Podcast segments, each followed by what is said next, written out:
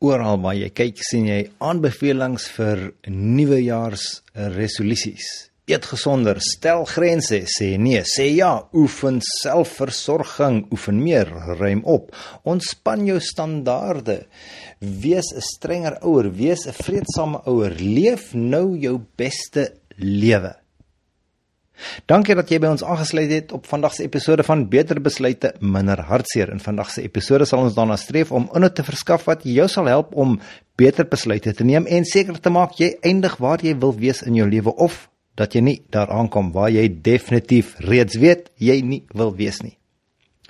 Hierdie wêreld se dikwels teenstrydige boodskappe skree vir ons dat ons nie genoeg doen nie, dat ons nie genoeg is nie en dat as jy net hierdie een ding sou probeer, jou lewe al sou wees waarop jy hoop.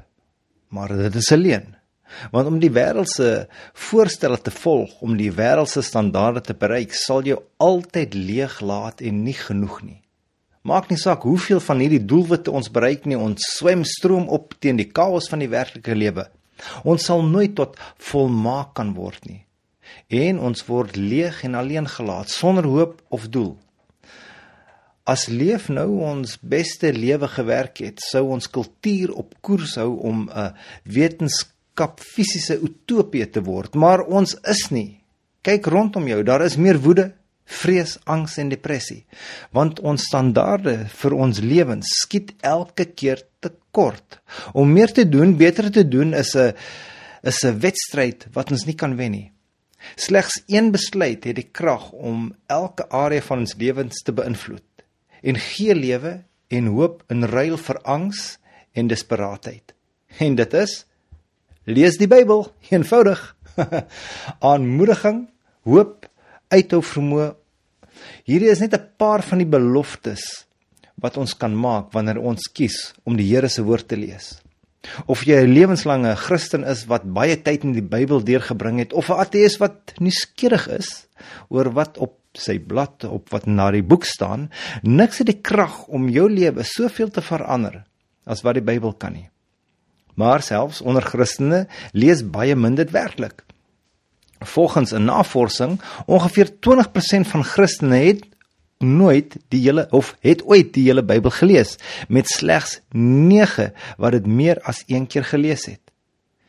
Met sulke skokkende statistieke is dit geen wonder dat al hoe minder mense kies om hoegenaamd enige geloof te volg nie.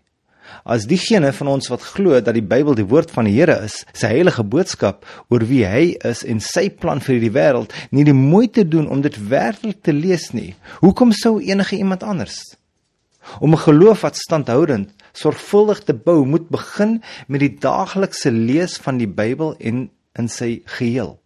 Geloof kom van die hoor van die woord van Christus. As 'n onvolwasse Christen het ek jare lank oordeenkings geleer, verse van die dagkalenders of deur die Bybel rondgeflikker, soos met 'n tydskrif. Ek sal 'n paar bekende boeke lees of die willekeurige blaai na 'n bladsy metode doen.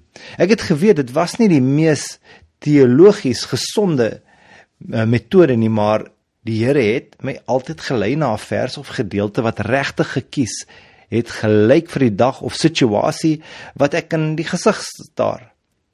Dit was duidelik goed genoeg. Maar lees die hele Bybel? Ek bedoel, wie gaan dit doen? Geleerdes, teologes, kenners, maar normale mense? Nee.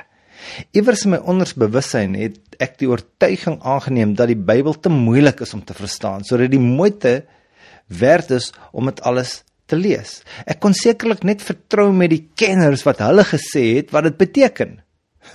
Moes ek regtig Habakuk of Sefanja lees om 'n goeie Christen te wees? Maar die Here het aan my begin openbaar dat om goed genoeg te wees glad nie 'n Christelike gesindheid was nie. Die ryk man wat na Jesus gekom het en beweer het dat hy al die gebooie onderhou het, het gevra, "Wat kan ek meer doen?" Jy ken die storie. Toe Jesus vir hom gesê het om alles weg te gee en om te volg, het hy moedeloos weggedraai. om die reëls te bevolg was nie genoeg nie. Hy moes bereid wees om alles prys te gee.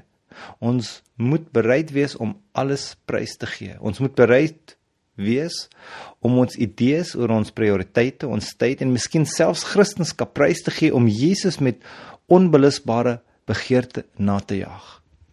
Vyf dinge wat jy sal kry deur die hele Bybel te lees. 'n Sterker geloof. 'n Gevoel van verwondering oor die aard van die heelal en jou plek daarin. 'n Beter begrip van die Bybel. Antwoorde op baie van jou dieper teologiese vrae en 'n beter aardse lewe.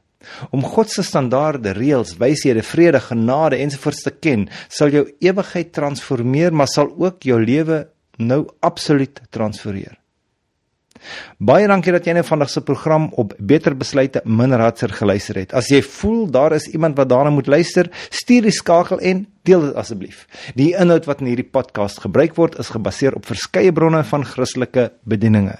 My naam is Aiku, mag die Here jou seën en onthou, aanhouer wen.